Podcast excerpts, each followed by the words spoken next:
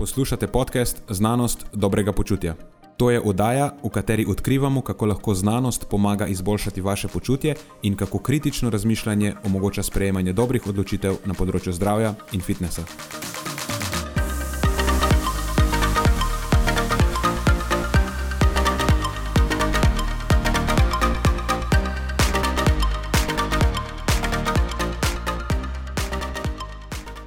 Pozdravljeni, z vami sem Nenad in tokrat poslušate solo epizodo. Govorili bomo o treh predpogojih za kakovostno staranje, o kronološki, biološki in psihološki starosti, o razlikah v angleškem in slovenskem odnosu do sočloveka in njegovega dela, ter o lekcijah Sra. Alexa Fergusona, ki pravi, da so napake neizogiben del življenja in ključen del uspeha. Preden začnemo, pa se moram zahvaliti še našim sponzorjem. Zaenkrat to še vedno ni velika korporacija, temveč zvesti poslušalci, ki nam izkazujete zaupanje in podporo s prijavo v našo člansko skupino Znanost dobrega počutja. Hvala vsem, ki s tem držite luči prižgane in omogočate podkastu, da raste in postaja še bolj kakovosten. Hvala tudi vsem, ki nas podpirate s pozitivnimi komentarji in visokimi ocenami, ter s tem, da priporočate podcast svojim znancem in prijateljem. Zdaj pa je končno čas za začetek epizode. Uživajte ob poslušanju.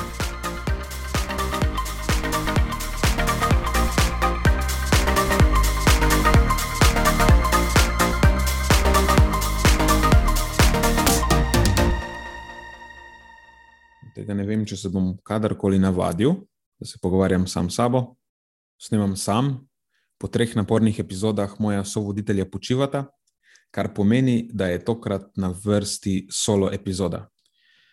V glavnem, eh, rad bi povedal dvoje, predstavil dve tematiki, ki sta, recimo, da zaznamovali moje razmišljanje v, v prejšnjem tednu, ampak predtem moram upraviti še, rečemo, temu hišno opravilo. Predstaviti moram novosti, ki so, ki so vezane na podcast, oziroma bolj natančno, Predstavil bi rad nove ugodnosti, ki bodo deležni naši Patreon člani. Najprej, ta podcast dejansko ne more obstajati brez podpore članov. Zadeva mi vzame uh, veliko preveč časa, da bi jo lahko delal samo za gušt, uh, tako da smo lahko vsi zelo hvaležni vsem Patreonom oziroma vsem Patreon članom, ki so svojo podporo dejansko Eh, pripravljeni pokazati z dejanji in ki omogočajo podkastu, da živi. In seveda, potem v zahvalo jaz vedno razmišljam, kako se jim bomo oddolžili. In sem se odločil, da s tem novim formatom in eh, s to novo sezono vložim več truda v to, da se njihova eh, izkušnja izboljša in da dobijo več uporabne vrednosti. Glavna sprememba je bila precej obširna obnova te naše skupnosti. Zadevo smo preselili iz Facebook skupine na Discord, to je ena spletna aplikacija, nek glorificiran uh, Facebook Messenger, ampak precej boljši. In stvar je zaživela. Je, no? V bistvu precej hitreje in bolje, kot sem si to predstavljal. V parih dneh imamo že aktivno skupnost. Uh, Discord mislim, šalil sem se prej, ni glorificiran Messenger, je precej bolj napredna, pa sofisticirana aplikacija, eh, zelo elegantno je zapakirana in tam smo odprli eh, par kanalov, na katerih se pogovarjamo o aktualnostih na področju zdravja in dobrega počutja, eh, delimo neke neumnosti, ki smo jih zasledili na internetu ali pa v medijih.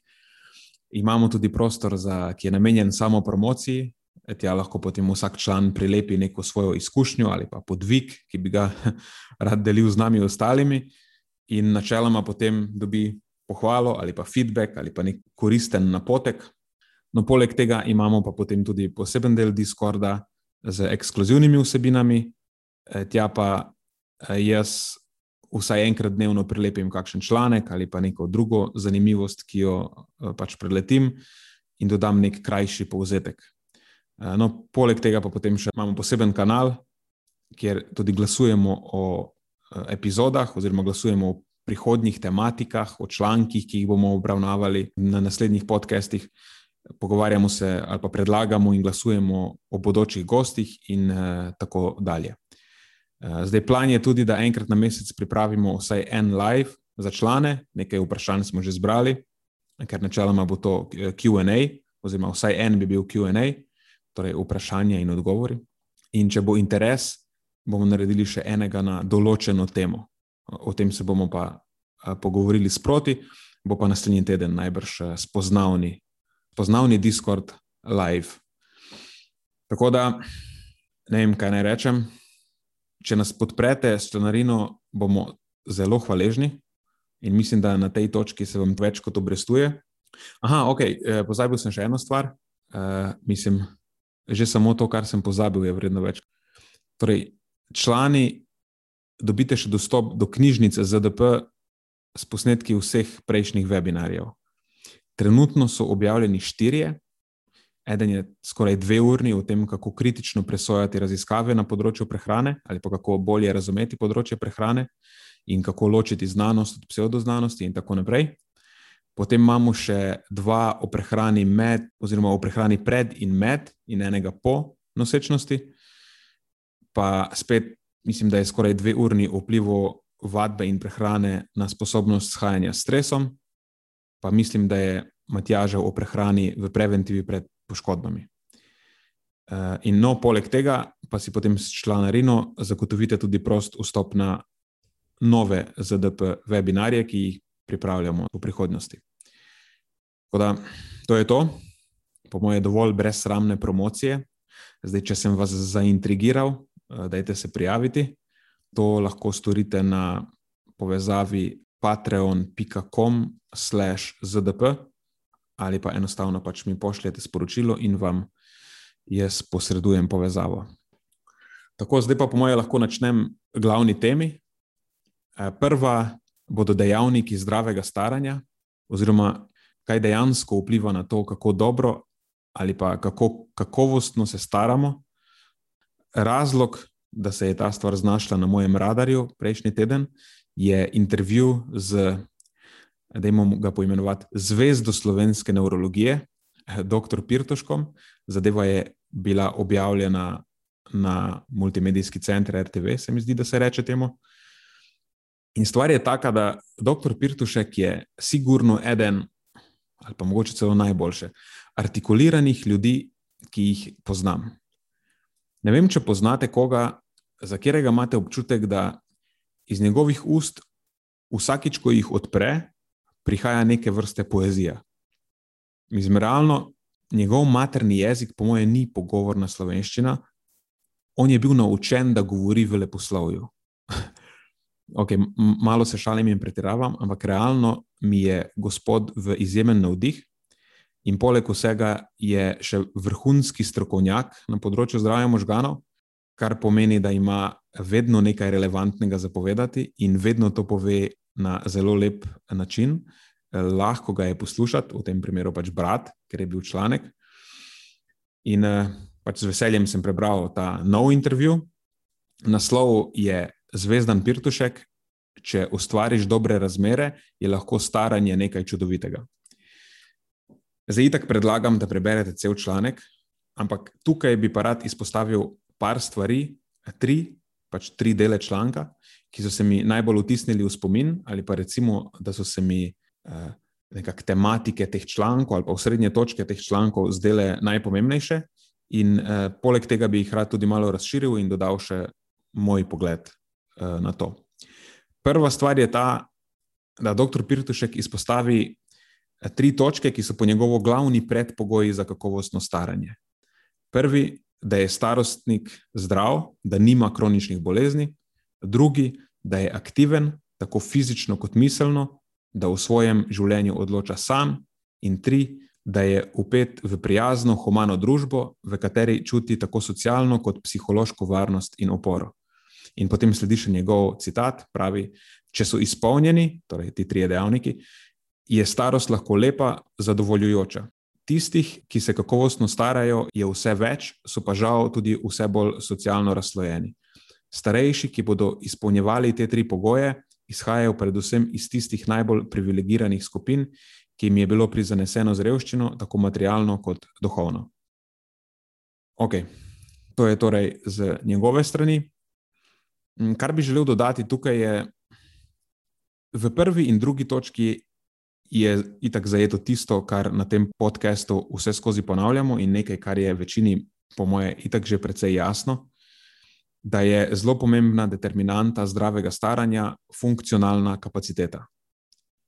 Po domače, to je nekaj, kar nam omogoča avtonomijo, omogoča nam, da poskrbimo sami zase, in v praksi to pomeni, da nam med staranjem uspe ohranjati najprej vem, čim več mišične mase, pa mišične moči. Ne, iz te mišične moči potem izhaja tudi neka pokretnost, eh, v smislu mobilnosti sklepov, ker recimo star človek ne more se usesti v globok stol ali pa ustati iz njega, ne zaradi tega, ker se ni strečal za dosti, ampak zato, ker zgublja moč. Ni dovolj močan, da bi lahko nadzoroval svoje gibanje v skrajnem obsegu gibanja. Ne? Zato, ker nadzorovan globok počep zahteva moč v položaju globokega počepa. In ko to izgine, potem pač ne moreš več narediti globokega počepa.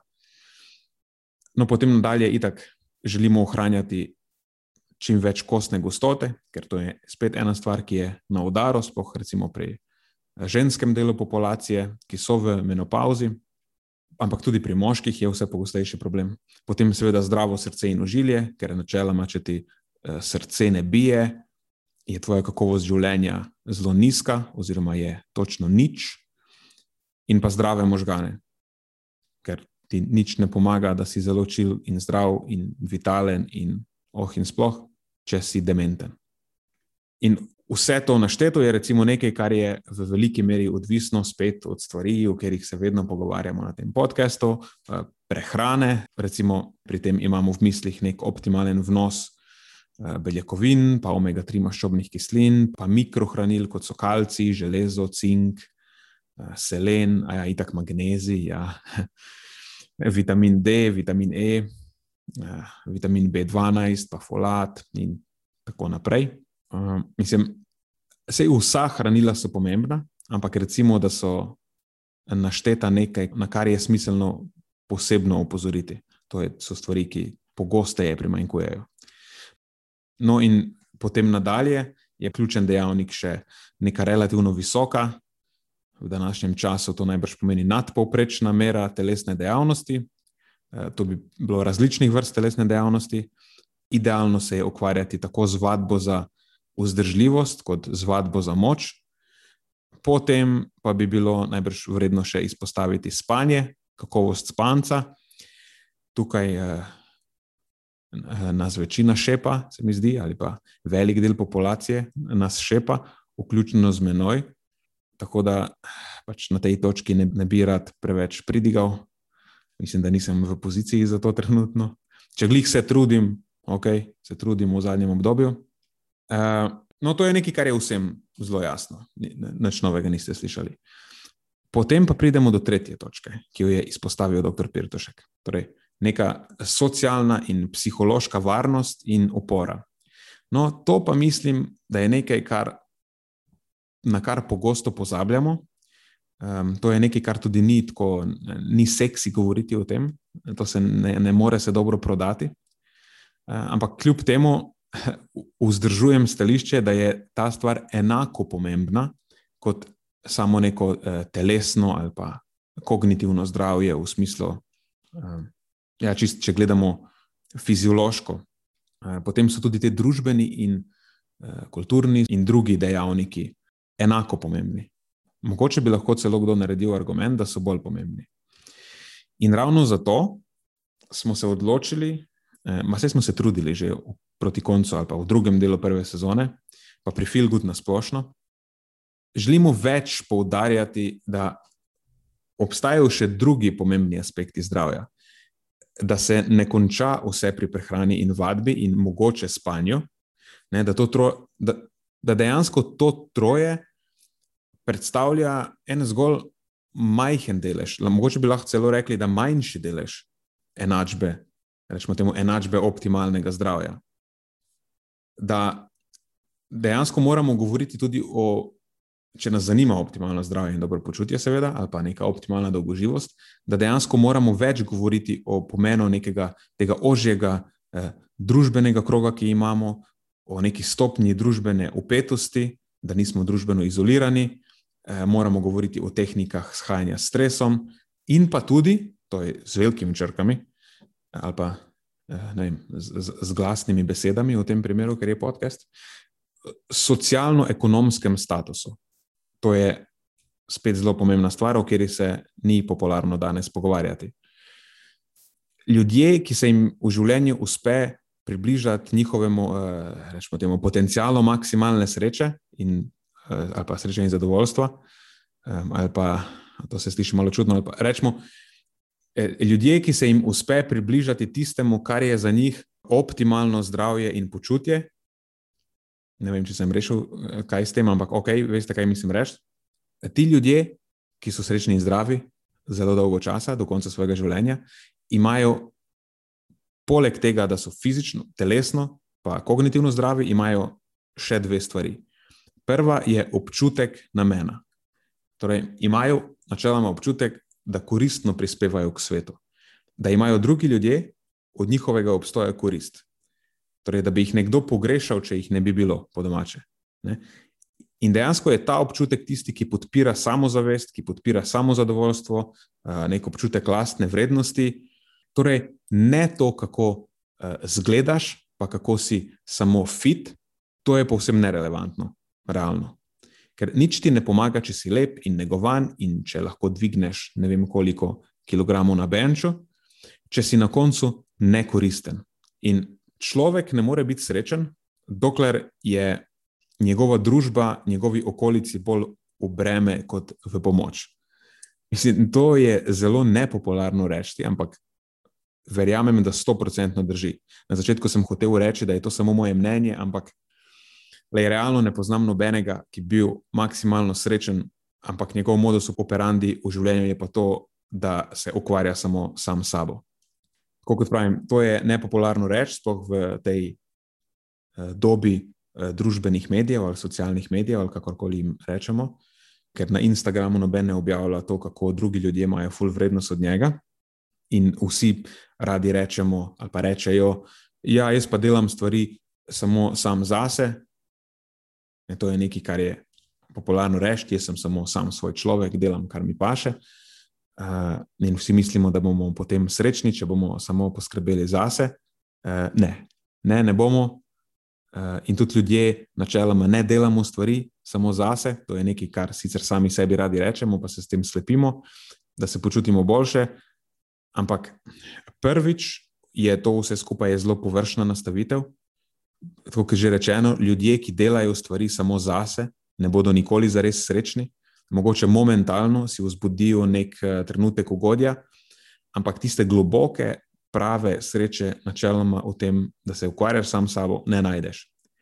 In potem drugič, da jim se ne sprenevedati, ker res je smešno, ko nekdo reče: e, Ja, jaz sem se pa naličila sam zase, ali pa e, zakaj imaš obute visoke pete. Ja, e, ker je to meni to všeč, ko imamo obute visoke pete. Ja, itak, dejno naličila si se najprej za vse druge okoli sebe, za izboljšanje svojega statusa v družbi. Seveda je fajn, ko izgledaš bolj privlačno, ampak ne zaradi sebe. Fajn ti je, ko drugi mislijo, da si bolj privlačna ali pa privlačen. Sej tudi moški se danes lahko ličijo, in tako ne, vse vemo. V glavnem, um, malo sem sicer zašel, ampak se zdaj veste, to se mi včasih zgodi, um, ki sem ostal. Torej, kaj je zelo pomembno za zdravo staranje? Eh, to, da delamo na sebi, zato da bi bili drugim koristni. Se je valjda, da delamo na sebi tudi zato, da pač bi bili sami bolj zadovoljni s sabo, ampak sami bomo bolj zadovoljni s sabo, če bomo razvili neke veščine, neka znanja, zaradi katerih bomo uporabni okolici, uporabni svojim bližnjim, nas bodo spoštovali zaradi tega. In Recimo, da vse, kar te naredi bolj produktivnega, pa vrednega člana družbe, vse, kar ti daje neko sposobnost, kar te naredi eh, neprecenljivega in kar te pomaga pouspeti po neki eh, po eni od številnih družbenih hierarhij, v katerih se gibaš ali pa na katerih se nahajaš. To bo dobro za najprej za tvoje zdravje in počutje v momentu, in potem tudi za, recimo, temu kakovostno staranje, pa eh, ohranjanje sreče in zadovoljstva in zdravja eh, tekom staranja. In potem, poleg tega občutka namena, oziroma eh, nekega eh, občutka sposobnosti in uporabnosti, je še ena pomembna stvar, oziroma je to je še tista druga stvar, ki jo eh, zdravi in srečni ljudje imajo, je občutek varnosti, ki pa gre v bistvu z roko v roki z občutkom namena in uporabnosti. To je logično, ker ljudje, ki so bolj uporabni za druge ljudi, imajo najprej več prijateljev, ker kdo pa si ne bi želel biti prijatelj s tistim, ki ima veliko uporabnih veščin. Ne? Uporabni so tudi za, valjda, za svoje bližnje, ampak in tako bližnji se te ne morejo odreči, ker, ker so obsojeni na te. Uh, v glavnem, tudi bližnji te bolj spoštujejo, vsi oni ti raje potem priskočijo na pomoč, ker verjamejo, da boš jim pomagal nazaj, ko bo to potrebno, ali pa da si jim sposoben pomagati. In eh, načeloma so bolj uporabni ljudje tudi boljše finančno kompenzirani, ne, mislim, v smislu za njihovo delo. Eh, to pomeni, da zaslužijo več denarja, ker če si v nečem boljši, pol te bom boljši plačal, logično. In na koncu dneva potem pač vse to pomeni, da imajo večjo družbeno in večjo finančno varnostno mrežo, rečemo temu, ali pa recimo, da eh, na splošno spadajo v višji socialno-ekonomski razred. Tako da, če potegnemo črto, če, če končam s filozofiranjem, ko se pogovarjamo o optimalnem zdravju in počutju, pa o neki maksimalni dolgoživosti ali pa optimalnem staranju, ko nas zanima to, kako živeti kar se da dolgo in kakovostno življenje, potem enostavno moramo upoštevati tudi vpliv, eh, vpliv eh, tega, teh medsebojnih odnosov, kako nas dojemajo ljudje okoli nas, ne, nek, ne, nekega našega družbenega statusa, ne, našega finančnega stanja, profesionalnega uspeha. Ne, vse to so zelo, zelo pomembna področja naše dobrobiti. Pa tudi, če nas zanimata samo ali, ali pa specifično prehrana in vadba, ne, ker pač pri nas, pri Filgudu, profesionalno se ukvarjamo predvsem s prehrano in vadbo. Ampak tudi, ko nas to, samo to dvoje ali pa primarno to dvoje zanima, je važno preceniti, kako to dvoje vpliva na ostale aspekte našega zdravja, za katere smo zdaj ugotovili, da so tudi zelo pomembni, ali pa celo še bolj pomembni. Ne? Recimo, kako moja prehrana in vadba vplivata na moja razmerja s prijatelji in družino. Ker zanimivo mi je, pač ljudje imajo nek svoj prehranski režim in okay, ne bom jedel ničesar, kar si nisem pripravil sam. Ok, v redu, pol, kar naenkrat se ne moreš odejstvovati v 80% situacij in si nekako odrinjen na rob. Ok, se razumem, zdaj, če je tvoj cilj nek, eh, pač v tej fazi življenja, pač stremiš k neki ekstremni, imaš nek ekstremen cilj v smislu svoje telesne podobe, v redu, ampak ne verjamem, da enkrat, ko boš star 60 let, ti bo kul, cool, ko si sam kuhaš obroke, pa ne ješ ničesar, kar, kar si ne skuhaš sam. Ampak ok, mogoče pač nekdo gleda to na drugačen način. Uh, potem kako ta stvar vpliva na moj družbeni status, ne, se to je povezano s tem. Zdaj, če ne moreš no, nikoli iti na nobeno uh, poslovno kosilo, ker pač tam ti ne pustijo, da si skuhaš stvari sam, v, v glavnem. In potem, ja, itak, tudi kako recimo prehrana in vadba vplivata na moje finance, ne na moje delo, zdaj, če se jaz skozi obremenjujem s tem, pa potem še pa moje delo, eh, zapravljam preveč denarja za neke nepotrebne prehranske dodatke, kako to vpliva na moje veščine in hobije, recimo, a sem čist eh, neurotičen okoli tega, pa se z ničemer drugim ne morem ukvarjati. Eh, kako to vpliva na mojo storilnost, ali jaz dejansko zdaj lahko delam koncentrirano, par ur skupaj, ali bom vsake 20 minut razmišljal, kaj bom poljedel, pa lahko grem na trening, ali bom zdaj vstal raje od stola, da se malo razgibam, itd. itd., itd. Vse to so zelo pomembna vprašanja, po mojem. Ko, tudi če se ukvarjamo samo s prehrano in vadbo, je smiselno preveriti, kako to vpliva na tiste druge aspekte našega zdravja. Um, ja, ne vem, kaj spoh reči na tej točki, in tako sem malo zašel, pa spoh ne vem, kam hočem iti. Um, Sam še to, da zaključim mogoče lahko na tej točki pojasnim tistim, ki me vedno čudno gledajo, ko rečem, da mene v bistvu prehrana sama po sebi zelo dolgočasi. Tako področje prehrane samo po sebi je vem, zelo dolgočasno, je realno. Absolutno razumem, da se to sliši čudno, ko, ne, ko to reče nutricionist, da je področje prehrane dolgočasno, ampak realno je eno. pač ukvarjanje s tem, koliko vitamina C ima jabolko, pa koliko gramov beljakovin je optimalno zaužiti po vadbi, pa ali je zdaj fižol boljši vir magnezija kot oves. Vsa ta vprašanja so v neki veliki sliki našega zdravja in pa veliki sliki eh, dobrega počutja, če je to širši termin. Vse to je zelo zanemrljivo. Je, no? To so zanemrljivi dejavniki.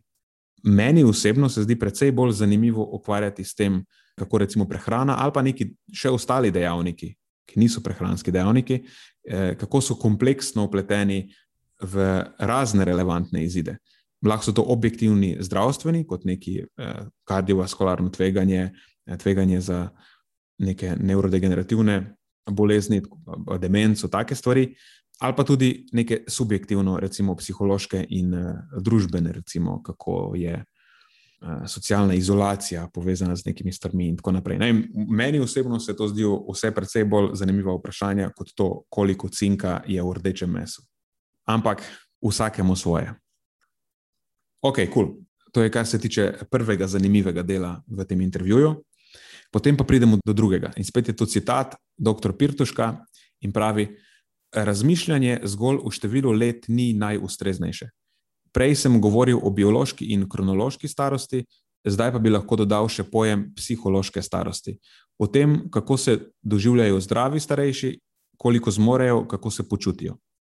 V zdravem odraslem človeku je zanimiv psihološki mehanizem, da sebe čuti in se doživlja mlajšega, kot je njegova kronološka starost.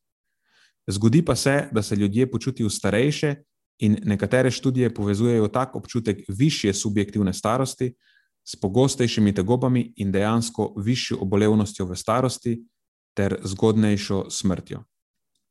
To je pač njegov del. Okay.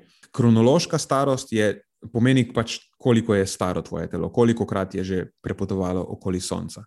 Potem biološka starost je to, v kakšnem stanju je tvoje telo. Pomeni, da Vem, če recimo dam prispodobo z avtom, pač lahko imaš avto, ki ima prevoženih 100 tisoč km, in potem je važno, kak voznik je sedel za volanom, ko je prevozil teh 100 tisoč km. Zdaj ga je šparal, a je lepo predstavljal z njim, a ga je lepo servisiral, a ne je imel kakšno avtomobilsko nesrečo, take stvari. Ta avto, ki je bil bolje vzdrževan, pa bolje vožen, kljub temu, da ima isto število prevoženih kilometrov, bo najbrž imel boljšo tukaj ne moremo reči biološko, ker je pač avto, strojniško starost ali kakorkoli, kot tisti, ki je bil vožen slabše. Ne, enako velja nekako pri nas. Imamo boljšo biološko starost, če smo se boljše vzdrževali, kljub temu, da kronološko mogoče imamo dva človeka, ki sta stara oba 60 let, eden lahko zgleda, da je 90, drugi lahko zgleda kot vem, 50. Recimo. No, potem pa pač dr. Pirtušek izpostavi še en tretji koncept, ki se mu reče psihološka starost. Torej, to je pa koliko človek sebe subjektivno dojema, da je star. In ta del se mi je zdel zelo zanimiv, ker vzdržujem zelo podobno mnenje, in to je zdaj res samo mnenje, ampak mislim, da um, k kakovostnemu življenju in staranju tudi ključno eh, pripomore ta neka pozitivna miselna nastavitev, jaz temu rečem. Ne, radovednost za različne stvari, da, da smo odprti za nove stvari. Pač, ne, to je ta miselnost, kjer nas veliko stvari zanima, smo se pripravljeni stvari učiti, smo se pripravljeni najti nov hobi, poizkusiti neke nove stvari, najti neko novo zanimanje, ne se začeti dejansko učiti nečesa čisto znova, iz nule, rečemo temu.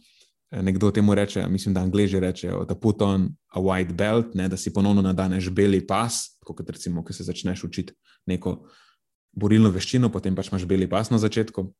Mislim, ne pravim, da se mora začeti učiti borilno veščino, to je samo prispodoba. Um, v glavnem, mislim, da je to nekaj, kar te dejansko ohranja mladega. In mimo grede, zna biti, da je to tudi način, kako si v narekovajih podaljšaš eh, življenje v smislu subjektivnega zaznavanja časa. Ker čas nam načeloma mineva hitreje, takrat, ko počnemo iste stvari ne, kot pač zapademo v neko rutino, ko več ne eh, gremo ven iz teh, te rutine, ko ne počnemo novih stvari, ko ne poizkušamo nečesa novega. In vsakič, ko svoje življenje, rečemo temu, presekamo z neko novo izkušnjo, ko na nekem področju izgubimo deviškost, eh, potem se nam v tem trenutku dojemanje časa upočasni. In to je najbrž en razlog, zakaj imamo občutek, da v mladosti nam čas teče počasneje, ker valjda v mladosti je za nas vse novo, in medtem ko pozna leta baje, minejo hitreje. In zna biti, da bi bilo drugače, če bi bili bolj odprti za nove stvari in bolj odprti za nove izkušnje, če bi bili bolj nagnjeni k temu, da tudi v odrasli dobi preizkušamo neke nove stvari, da iščemo ne, nova zanimanja, se učimo novih veščin in tako naprej. In potem, poleg tega, učenje veščin je nekaj, kar potem najbrž pomaga tudi ohranjati naše kognitivne sposobnosti. Tako da ne gre se samo za neko subjektivno dobro počutje, ampak dejansko bi lahko naredili, po moje, primer, da ta pozitivna miselna naravnanost potem vpliva tudi na neke objektivno izmerjene uh, markerje delovanja možganov. In to je, kar se tiče tega uh, drugega odstavka, ki se mi je zdel zanimiv. In potem še tretja stvar, ki bi jo rad izpostavil. Doktor Pirtušek se proti koncu spominja časov, ko je delal v Angliji in primerja angliški in slovenski odnos uh, ljudi do, do soljudi, ali pa uh, ta nek medčloveški odnos, ki, je, ki morda izvira iz dveh različnih kultur. In pravi tako, spet citat, bom prebral. Anglija je bila okolje, kjer si ves čas čutil osnovno vodilo, da se človeku a priori zaupa. Aha, tale je dober, sposoben človek, zaupajmo mu. To zaupanje ni bilo slepo in brezmejno. Spominjam se, da smo bili kot zdravniki ves čas deležni nenehnih nadzorov, ki so bili namenjeni predvsem na svetom za izboljšanje dela. Tistih nadzorov se spomnim kot prijetnih in sproščenih. Imel sem občutek, da mi nadzorniki želijo pomagati izboljšati moje delo. V Sloveniji sem dosti krat opazoval obratno, kako pogosto in a priori izhajamo iz nezaupanja. Ta človek že ne more biti tako sposoben, verjetno ima nekaj za bregom. V našem okolju tudi nadzore praviloma doživljamo kot stresne in nevarne, le redko kdaj kot zanimivo možnost, da svoje delo vidimo v ogledalo drugega. Mislim, da to ne potrebuje dosti dodatnega komentarja. In točno zato pri nas ne moremo imeti lepih stvari. Ker vsak, ki v čemer koli uspe, ali pa izstopa, ali pa je boljši od drugih, je to očitno dosegel zato, ker je kradel, metal polena pod noge, ali pa pač bil na nek drug uh, način nepošten. Ne, pri nas smo vsi najbolj srečni, dokler smo vsi povprečni. Bog ne daj, da bi kdo probal izstopati. Lahko sicer, če gre v tujino, pa tam v tujini izstopa, pa smo veseli, sam ne nam hoditi nazaj, pa nam kvariti poprečje tukaj, ok, posl nam kar enkrat na poti. Uh, kar hočem reči, je to, da okolje, v katerem je to modus operandi, uh, to neko, da a priori ne zaupamo, da vsak, ki izstopa iz poprečja, sam ima nekaj slabega za bregom ali pa je napredoval na uh, plečih drugih, kako že rečejo taka stvar je zelo neuspodbujajoča za napredek. Okay? Ker v takem okolju so ljudje sigurni, da bodo za vsako napako obsojeni ali pa kaznovani čez mejo uh, razumnega. In itak, da potem vsi mislijo, ne samo mislijo, ampak to jim je demonstrirano, se se skozi dogaja. Vsako napako, ki jo narediš, ti bodo metali pod uh, noge še naslednjih deset let. Tudi potem, ko že dolgo ta stvar ni več relevantna, pa ko si se že petkrat popravil vmes. Ker seveda cilj je, da te zbijajo nazaj pod mejo povprečja, in to potem rezultira v to, kar imamo zdaj trenutno tukaj. Imamo kolektivno bolesten strah pred tem, da poskusimo izstopiti iz povprečja in narediti nekaj več. In kaj se potem zgodi? Redko kdo karkoli naredi, vsaj ko je tukaj, raje ljudje odhajajo v tujino, pa delajo tam, ker so za to uspodbujani. Ker valjda če izstopaš, bo vsaka tvoja napaka toliko bolj očitna in boš zaradi nje precej bolj na udaru. Ampak, če hočeš napredovati, recimo, da bo zdaj to neka, neka priporočila za. Kako napredovati, specifično vezano na, na slovensko področje, kako napredovati proti svojemu cilju v Sloveniji. Uh, malo sem sicer sarkastičen, ampak mislim, da nisem prekomerno. V glavnem, na neki točki se moramo sprijazniti, da prvič napake so neizogibne, nihče ne pride do nečesa vrednega, brez da bi na poti delal napake. In drugič, ne moreš postati dober v nečem, brez da izstopiš iz povprečja. Pač ne mogoče. Če ne izstopiš iz povprečja, si povprečen, ne moreš biti dober. Kar v bistvu pomeni, da je najboljše, kar lahko narediš, je, da se čim prej naučiš vzljubiti delanje napak in da se najprej da se pripraviš na kritiko, večina ti bo itak brezvezne, ampak da se naučiš sprejeti tisto kritiko, ki je dobra, da iščeš namenoma proaktivno, dobro, konstruktivno kritiko, da jo poslušaš in da uh, jo sprejmaš in da jo ukomponiraš. In to dvoje je izjemno koristno, ker napake, prvič, so priložnost za učenje, napake so dobra stvar, napake niso slaba stvar. Mislim, lahko so slaba stvar pod enim pogojem, ampak več o tem mogoče kasneje.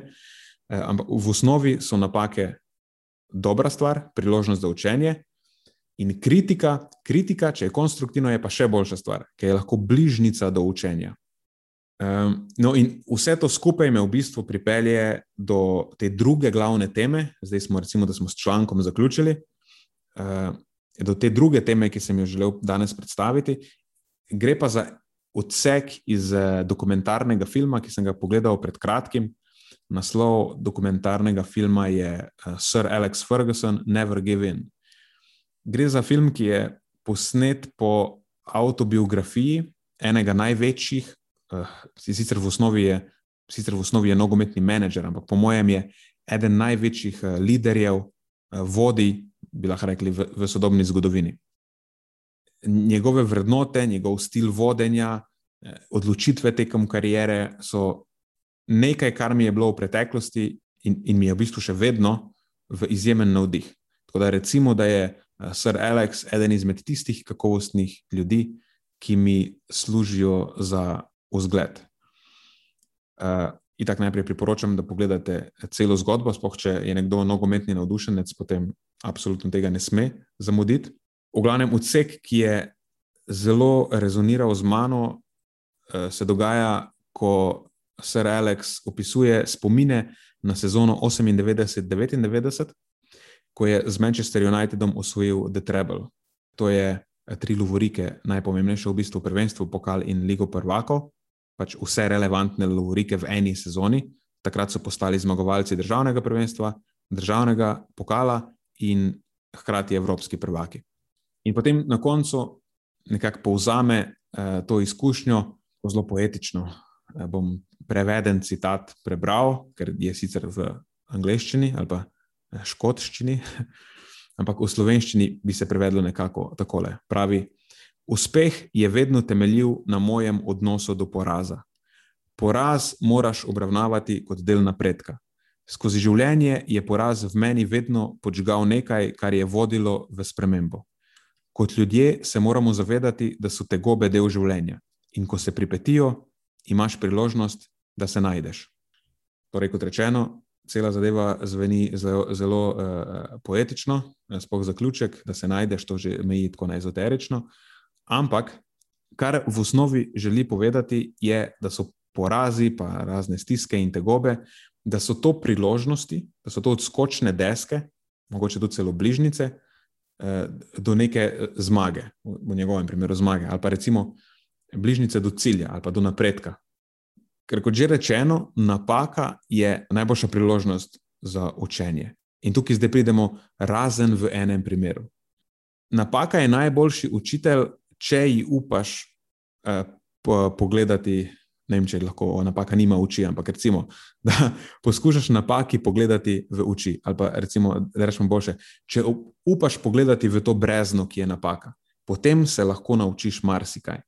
Ker v napaki, enkrat, ko se je zaveš, ko sprejmeš za njo odgovornost, lahko točno ugotoviš, če, si, ne, če jo analiziraš, kaj si naredil narobe. In če potem ustrez, če ugotoviš in potem ustrezno korigiraš, bum, problem rešen. Zdaj si boljši, kot si bil prej. Česar nočeš, pa je ponavljanje napak. No, v tem primeru je pač napaka slaba in zato se večina ljudi boji napak, ker jih itak skozi ponavlja, ker nočejo pogledati v brezno. In ponavljanje napak se dogaja točno zaradi tega.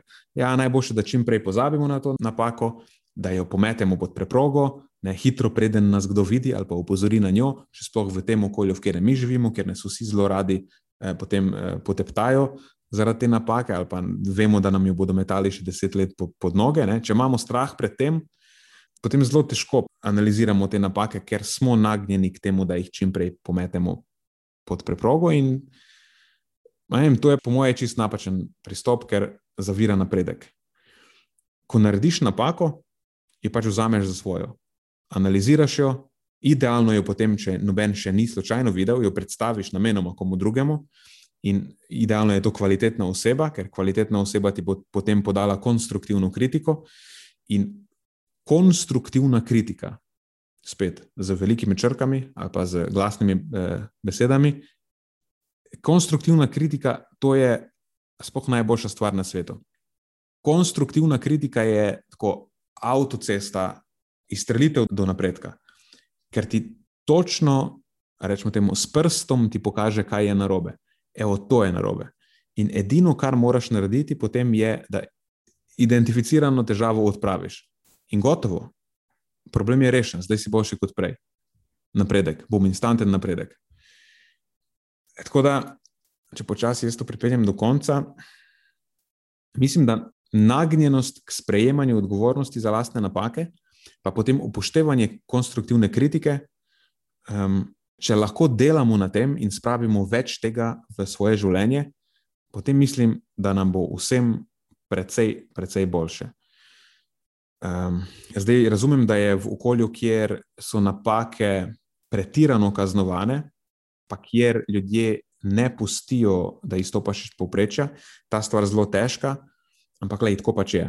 Uh, zdaj, prej kot to sprejmeš, uh, prej kot pač uh, odmisliš vse nekonstruktivne in brezvezne kritike in razumeš, da je to v bistvu samo obrambni mehanizem drugih ljudi, boljše ti bo.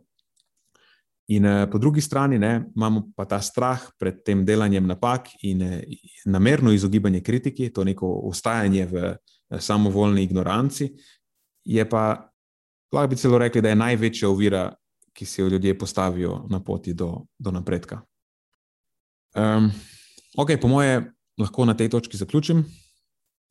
Sicer ne vem, kako cinično je izpadla ta epizoda, nisem želel biti preveč ciničen, hotel sem eh, podati neke koristne napotke, eh, biti uspodbujajoč. Tako da, če mi to ni uspelo, prosim, eh, podajte mi konstruktivno kritiko, ki se je zelo veselim, vsekakor sem odprt za to. Um, ja, in to je to. Hvala, če ste poslušali do konca. Hvala tudi tistim, ki se boste po, po vsem tem še vseeno odločili za to, da nas podprete. Eh, preko Patreona in se slišimo prihodnjič. To je za tokrat vse iz naše strani. Hvala, ker ste poslušali do konca. Delite epizodo s svojimi znanci in prijatelji in jo priporočajte dalje, saj s tem omogočite, da sporočilo znanost dobrega počutja doseže čim večjo množico. Hvala vsem, ki nas podpirate s članarino in tudi vsem ostalim, ki delite podcast dalje in nam izkazujete naklonjenost z visokimi ocenami in pozitivnimi komentarji. Se slišimo prihodnjič, do takrat pa ostanite premišljeni.